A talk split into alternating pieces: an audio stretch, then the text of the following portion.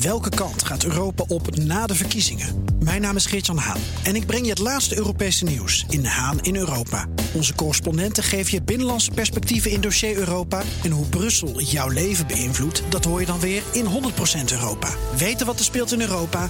Luister naar de programma's van BNR.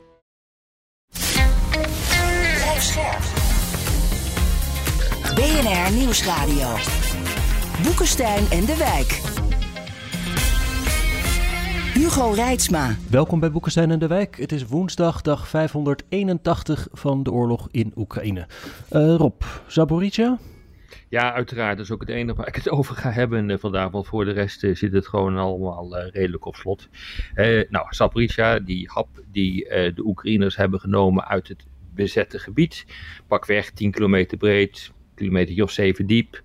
Uh, nou, dat is toch wel uh, zeg maar het, uh, het meest bijzondere gebied om naar te kijken. We zien dat er een kleine opmars is geweest vanuit dat gebied naar het oosten, naar ver boven. waar nu wordt gezegd dat ze pakweg 50% van de stad in handen hebben. Dus dat is op zich wel, wel een doorbraakje weer. wat je ook ziet, is dat ze naar het zuiden gaan. En nou komt hij, want dan moet ik die Ja, nu ga je hem uitspreken, hè? Ja. Novoprop Novo. Nee. Nee. Wat is het? Volgens mij is het verkeerd. Novoprokopivka. Dat zou kunnen. Ja. Dat zou zo ongeveer moeten zijn. Ja, hoe krijg je bedacht, eh, zo'n naam, hè? Uh, die, uh, daar wordt nu naar op worden opgerukt.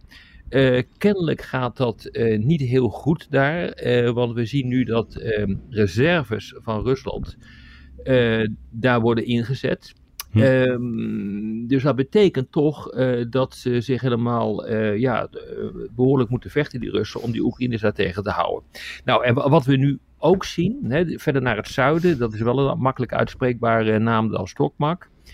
Uh, dat ligt zo'n beetje halverwege tussen Militopol en, en dit gebied. Hm. We zien nu dat reserves van de, de Russen zich daar aan het concentreren zijn.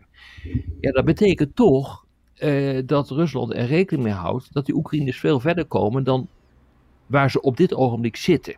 Ja, uh, ja. Dus uh, ja, dit is gewoon iets wat je ontzettend goed moet, moet volgen. wat ook nog van belang is, is dat er echt een discussie nu gaande is ehm, over een herwaardering van de manier waarop Oekraïne dit aanpakt. Hè. We hebben het er vaker over gesproken, dat in het uh, in het begin van het offensief, een maand of drie geleden is dat inmiddels alweer, uh, dat de Amerikanen zeiden: je moet echt gewoon bewegelijk oorlog voeren, grote eenheden. Mm -hmm. Je moet de Russen uh, eruit manoeuvreren met die grote eenheden, vuurkracht en dan breek je wat door de linies heen. Dat is gewoon falikant mislukt. Die Amerikaanse adviseurs hadden dat gewoon fout. Punt. En wat je nu ziet is dat er een herwaardering komt van die uh, uh, Oekraïnse tactiek. Hè. Ze zijn dus vastgelopen op die mijnenvelden en die enorme fortificaties, al die drakentanden die daar uh, liggen. En ja, dan zie je dus dat ehm, Oekraïne is overgeschakeld op een heel andere manier van oorlogsvoering, attritie. Dus ehm, eigenlijk het gewoon het slopen van de tegenstander, doen de Russen ook. Ze vallen eigenlijk terug op een oude Sovjet-tactieken. Mm -hmm. ja, en nu begrijpen we dus ook ineens, omdat kennelijk die Oekraïners dat door hadden dat dit zou gaan gebeuren, waarom Bakhmut, uh, waarom daar zo hard over gevochten is. En, uh, en dat betekent dus gewoon dat die, de, de, de Russische troepen daar gebonden zijn, dat ze dus niet konden afreizen naar de Zaporizhia-oblast om daar de verdediging uh, te versterken. Dus dit is echt een verandering in de discussie die gaande is en dat is niet echt in het voordeel van Amerika, moet ik zeggen. Hè, wat? Wat bedoel je? Nou ja, de Amerikanen die hebben nogal gehamerd uh, op hun manier van oorlogvoering. Ja, Ook de het, oorlogvoering van ja. de NAVO. Ja. Uh, en uh, ja, het aardige was, we hadden vanochtend bij ons op het instituut, het HST6, een hele een discussie.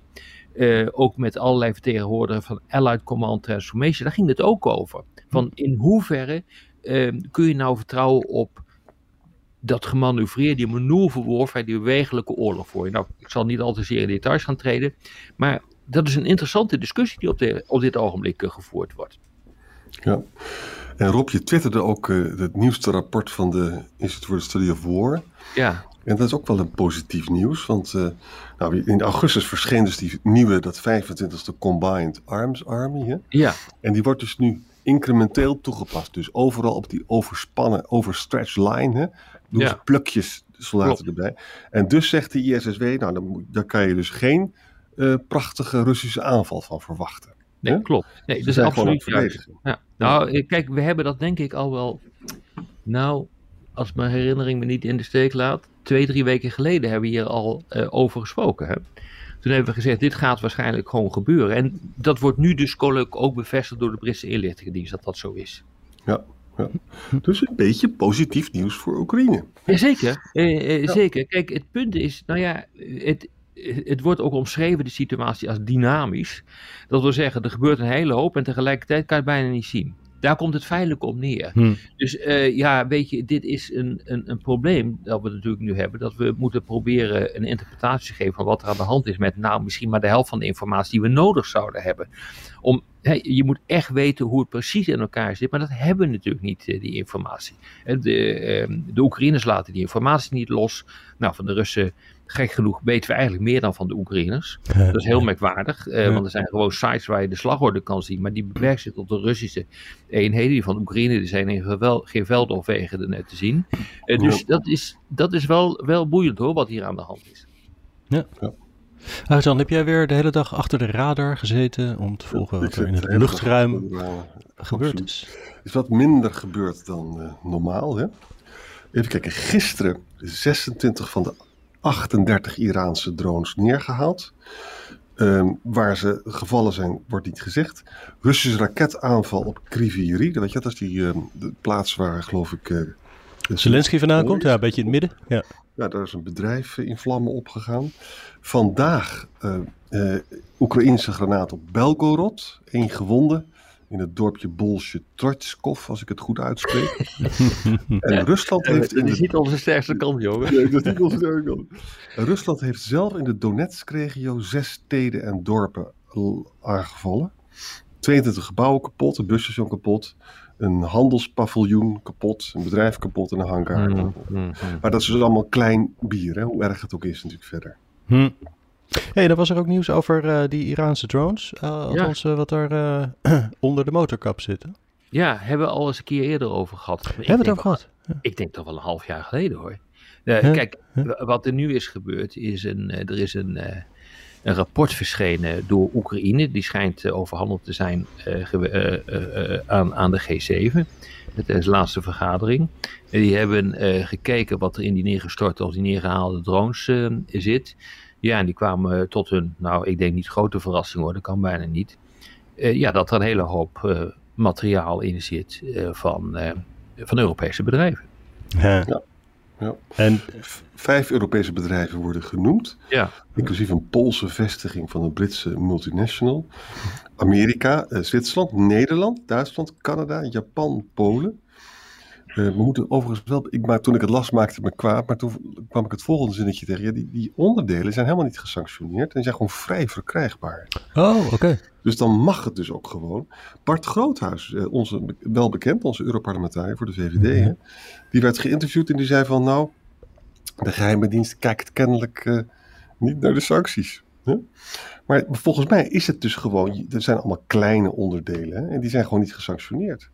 Nee, dat en klopt. dus- En ja. Huiskeuken, eh, hu- eh, Ja. huiskeuken en tuinchips, of hoe je ze ook allemaal eh, zou, eh, zou willen noemen, die zitten erin. En NXP wordt genoemd in Nederlandse bedrijf, is een spin-off Ja. van, eh, eh, Philips. van, van Philips. Eh, daar is helemaal niets mis met dat eh, bedrijf. En eh, die hebben ook in een commentaar laten weten van ja hoor eens even, eh, wij zijn voor de sancties, wij willen het niet, maar we kunnen er ook weinig aan doen. Ehm, een of ander bedrijf, ST Microelectronics, eh, die zegt, ja hoor eens, we hebben 200.000 klanten over de hele wereld. Eh, Tja. wij weten niet precies wat er gaat gebeuren. En dus inderdaad, ehm, dit, zijn, eh, dit zijn vrijelijk eh, verkrijgbare componenten. Hm. Maar, maar weet je, wat ik ook leuk vind, is, ehm, ja leuk, in ieder geval, eh, we hebben daar eerder over gehad. En toen hebben we eh, eh, zitten filosoferen over hoe eh, die eh drones nou eigenlijk van Iran eh, naar Rusland gaan. Ja. Nou, die gaan dus inderdaad over de Kaspische Zee, zoals we verondersteld hebben. Ja. Ehm, en die, ja, die, die gaan gewoon van een, eh, van een havenplaats in Iran naar een havenplaats in, ehm, in Rusland. En ehm, ja, dat kon je, dat kon je zo, zo ook wel op de kaart zien, hè, dat dat zou gaan gebeuren. Door de Mhm. lucht lijkt me nou niet echt eh, handig om dat eh, te doen. En het beste is dat natuurlijk gewoon in bulk eh, via de Kaspische Zee te doen. Maar Ja. er zijn nu ook drones gevonden, die, eh, die zijn ingehaald. eh, die zijn waarschijnlijk in Rusland gefabriceerd. In Alabuya, hè, de Centraal-Tartaarse regio. Ja. En, en wat ik dan ook las, dat wist ik helemaal niet, joh. Die, die Iraanse drones die kwamen dus ook uit een Syrische fabriek. Voor een Oh ja. Oh ja? Maar dat hoeft dus straks allemaal niet meer, want je kunt ze dus nu gewoon maken in Rusland zelf, in die Centraal-Tartaarse regio. Ja, en ze werken samen, Iranen en Rusland, om daar een nieuwe motor eh, in eh, te zetten. Ja. Hè, dus eh, kennelijk hebben ze een probleem met die motoren, eh, dus moet er iets nieuws worden ontwikkeld. Daar zijn ze nu samen mee bezig. hey, dan kunnen we denk ik van het luchtruim door naar de scheepsbewegingen. Ja, Ja, er is dus een, eh, een nieuwe scheepscorridor, zou je kunnen zeggen, hè, met, via, via die Roemeense kust en die Bulgaarse kust. We weten nu zeker dat er twee graanschepen door zijn gegaan, plus andere vrachtschepen. Ook ja zeven andere- in totaal, eh Arend Jan. Ja, en zeven in totaal. En dat zijn dan zeeschepen. Ja, het zijn zeeschepen, Ja, Ja. ja. oké. cargo ships. Hè? En, eh, en het wordt dus verklaard, nou waarom kan dat nou allemaal? Eh, Het kan dus omdat ja, toch echt zo die krimcontrole en ook weer die olie, eh, boor- die boorstations hè, waar ook radar op stond. De Russen hebben gewoon wat minder controle. En het tweede is natuurlijk, ze durven ook niet echt in de territoriale wateren van Bulgarije en Roemenië zomaar een schip eh, te bedreigen. Hm. Ja, Ik zag overigens ook eh, een wat mooie videootje ergens voorbij komen van de Mariska. Dat was de, een, een test van de eerste Oekraïense onderwaterdrone. Ja. Zes meter lang, bereik van duizend kilometer. Zo. Heel, heel groot ding. Ja, zo kunnen het natuurlijk de, de, de Russische Zwarte Zeevloot wel lastig gaan maken. Ja, dat mag ik wel zeggen. Ja, nee, zeker.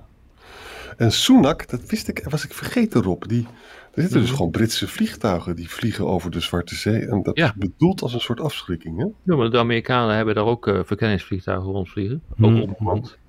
Nee, dat gaat dan lopende band door. Ja. Dus, Dus heel een- misschien- een zo'n vliegtuig is ook, zo'n verkenningsvliegtuig van de Amerikanen is uit de lucht geschoten. En een vliegtuig van de Britten is bijna uit de lucht geschoten. Ja. ja, precies. ja. Dus we moeten heel misschien dat dit nieuwe scheepscorridor wat wordt. Maar daar moeten natuurlijk ongelooflijk veel schepen doorheen. Hè? Ze Mhm. lopen zo achter. Nou ja, goed, eh, dit is, je moet het wel in perspectief plaatsen, ook van eh, de, eh, de, de aanvallen op de Oekraïnse graanfaciliteiten.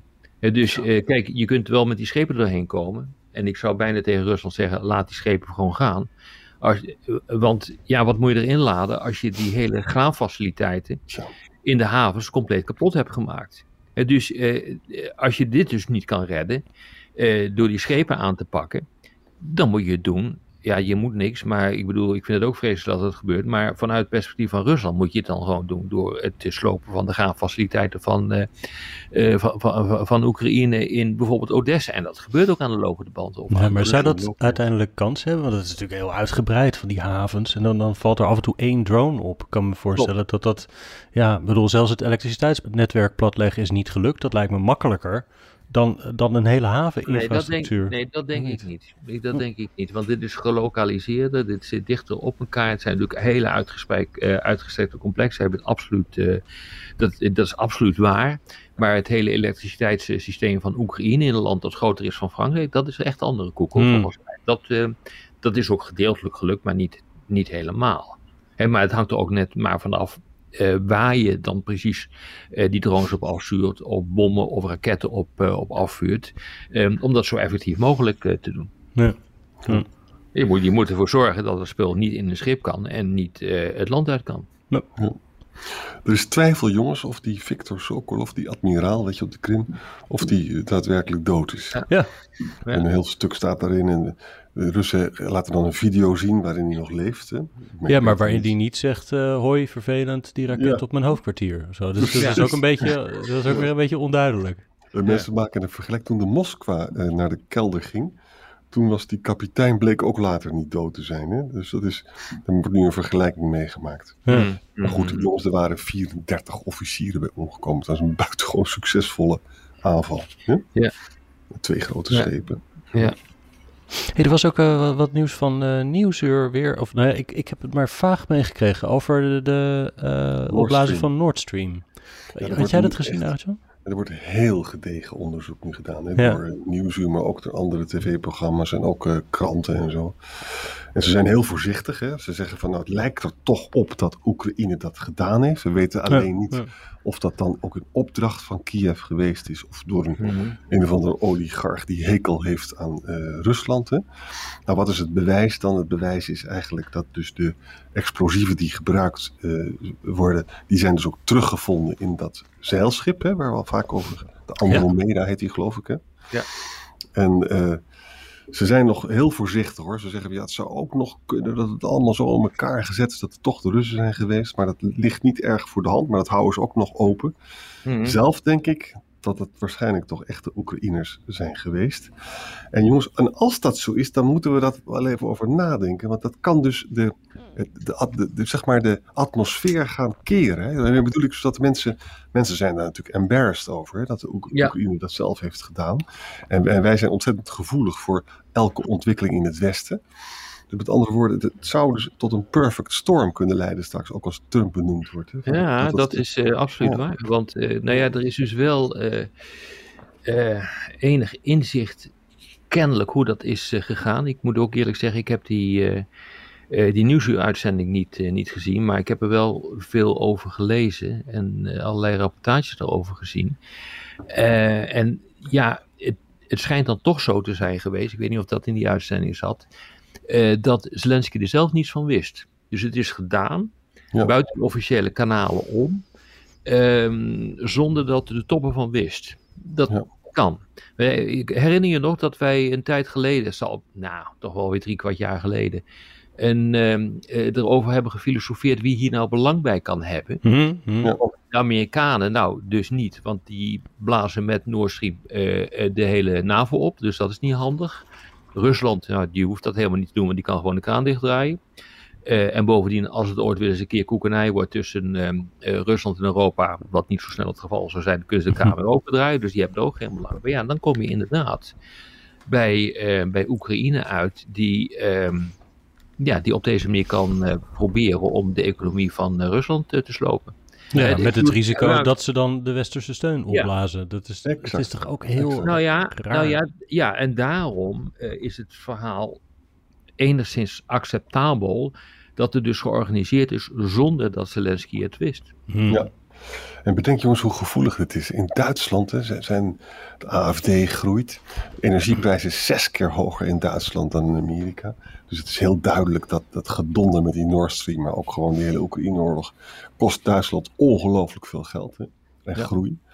Dus met andere woorden, dit is natuurlijk gevoelens fressen voor mensen die toch al uh, sceptisch zijn over de Oekraïne-oorlog. Dan heb ik nog niet eens Polen, Hongarije en Slowakije genoemd, waar hetzelfde ja. gedonder plaatsvindt. Hè? Ja, zeker. Dus dit moeten we scherp in de gaten houden, dit. Ja. In Amerika is nu wel goed nieuws, lijkt het, als ik het goed begreep, dat een ja. government shutdown uh, is afgewend. Wat nou ja, zou kunnen hebben voor de steun aan Oekraïne. Zeg ik dat Tot 17 november. Oh ja. dus wat ik daarvan begrijp is dat het dus niet helemaal is afgewend, maar er is een soort uitstel van executie gekomen. Uh, dus er komt inderdaad, uh, de, dus ze mogen doorgaan met bestedingen, inclusief 6 miljard voor de oorlog in, uh, in Oekraïne. Maar het is toch nog even spannend, denk ik. Maar Arjan, hoe heb jij het gevolgd? Um, dat die McCarthy, um, dat die toch misschien wel eens een keer geblokkeerd zou kunnen worden. Ja. omdat er geen stemming komt. En, en die, die, um, die hardliners aan de Republikeinse kant, die ook helemaal geen steun willen hebben voor Oekraïne uh, ja, die dreigen ook continu met een afzettingsprocedure. Kijk, en dat is volgens mij de kern van de zaak. Uh, Kevin McCarthy kon alleen maar leider worden door te accepteren dat de extremistische vleugel hem zomaar kan afzetten ja. als hij dingen doet die zij niet leuk vinden. Hij is hij voorzitter dus, van het Huis van Afgevaardigden. Hè? Ja. Hij wordt dus gegijzeld door die extremistische vleugel. Ja. En dat was, Kevin McCarthy is dus een veel zwakkere leider dan de, dan de vorige.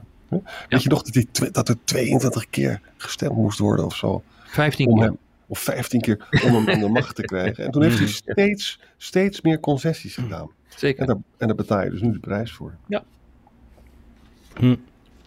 Um, Arjan, jij had nog ons een, uh, een blokje in het vooruitzicht gesteld. Wat is jouw ja. blokje van vandaag? Nou ja, weet je, weet je, ik, vind dus, ik ben daar echt in geïnteresseerd, jongens. ik zit steeds maar in mijn hoofd met een perfect storm. Hè? En daarmee bedoel ik dus dat gewoon, weet je, nou, uh, Trump wordt dan toch uh, uh, president en mm. noemt de NAVO. Maar ik kijk dus ook naar die verkiezingen die er allemaal zijn. We hebben dus verkiezingen in Nederland, dat zal u niet ont ontgaan zijn. Mm. Maar ook in Slowakije en in Polen. Nou, je hoeft maar even in te zoomen op Slowakije. Dus 30 september, zaterdag zijn daar verkiezingen. Ja. Het is gewoon verschrikkelijk wat daar aan de hand is. Robert Fico, die is acht jaar lang premier geweest, die is totaal populistisch geworden. Wat doet hij? Hij zegt van nou, ik ben uh, anti-immigratie, ik ben anti-EU, ik ben uh, pro-Russisch. Hoe het mogelijk is dat zo'n man pro-Russisch is, maar dat doet hij dus allemaal. Hè?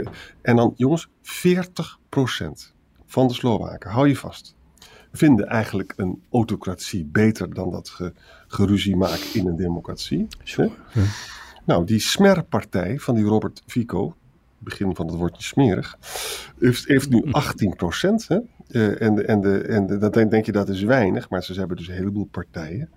En er zit ook nog een hele extremistische partij bij. Dus er moet sowieso een coalitie komen. Maar het is gewoon, het, het, de meerderheid van de Slowaken houden het Westen verantwoordelijk voor de oorlog in de Oekraïne. Hmm. De Russische indoctrinatie in Slowakije is buitengewoon effectief. Nou, dan vragen we hoe is dat toch in hemelsnaam mogelijk? Dat komt dus omdat heel veel van die mensen in de dorpjes en de kleinere steden, die zijn door het marktmechanisme natuurlijk hun baan kwijtgeraakt. Restructurering en zo. Hmm. En, die, en, die, en dat wordt allemaal aan de EU wordt dat dan geweten. En het is ook zo dat Robert Fico moest aftreden omdat er ongelofelijke corruptieschandalen waren met hem en zijn Ja, dood van een, uh, dood van een journalist, hè? moord op een journalist. Ja. Oh, dat is direct, jonge uh, jongen. Ja. Ja, ja, zeker. Dat is de directe reden geweest waarmee hij het veld moest ruimen. Ja, precies. Dus het is gewoon, het, het, is heel ruig wat er allemaal gebeurt. En we moeten dus maar hopen dat hij niet uh, de, de grootste wordt. Ja. En, het, en het enige wat je nog kan zeggen is, hij zal een coalitie moeten vormen. Maar dat zal heel moeilijk worden, want het, de stemmen gewoon heel verdeeld. Maar ik vind het dus echt heel eng dat er zoveel mensen in Slowakije eigenlijk een sterke man beter vinden dan een uh, democratie. Ik vind het echt zeker, heel... Zeker, zeker, ja. Nou ja, en dat, dit kan je natuurlijk verbinden aan, uh, aan Polen, waar natuurlijk ook van alles uh, gebeurt. Hè. Dus verkiezingen 15 oktober. Kijk, die PIS-partij, vind altijd het grapje dat het, dat het echt pis is, maar goed. Die uh, begonnen dus keurig als christen-democraten, dat kennen we allemaal wel. Hè. Dat is nu totaal cultureel conservatief geworden, maar ook sociaal conservatief en zo. Dus wat doe je dan? Je gaat dus tegen Joden, hè, die confederatie van alliantie van vrije marketeers. Hè. Dat is dus een nog partij nog rechtser dan die PiS. Hè. Tegen Joden, tegen homo's, tegen abortus, tegen belastingen, tegen de EU. Nou, met al dit gekletspraat kan je dus 11% uh, ophalen. Ja? Ik vind, we moeten wel even Nederland verdedigen. In The Guardian wordt dus uh, Polen en Slowakije dan ook een beetje vergeleken met, uh, uh, met Nederland. Maar de enige overeenkomst is dat Omtzigt is ook anti-establishment, zou je kunnen zeggen. Maar het lijkt mij geen populist. Toch? Nee, mm, nee die wordt in Nederland, net zoals de BBB, tot een middenpartij gerekend. Wat dat betreft is het wel interessant wat er in Nederland gebeurt. Hè? Dat je, dat je een, een rechtsblok krijgt, een linksblok en een middenblok. Ja. Uh, uh, het lijkt er toch op dat, uh, en dat is echt anders dan wat in The Guardian stond, dat Nederland toch weer een traditioneel eh, land wordt waar de middenpartijen bepalen en dan kijken of ze over links of rechts gaan, gaan hm. regeren. En dus dit, dit, is gewoon terug, terug de geschiedenis in hoor, dit. Ja. ja. Hm. Maar jongens, ik, ik, het is wel een perfect storm is brewing, hè? Ja. Ja, we kunnen niet nog een Polen of Hongarije erbij gebruiken in Europa, lijkt me. Nee. nee. nee. Nou, oké. Okay. Um, dank weer. Tot morgen. Tot, tot morgen. Tot morgen.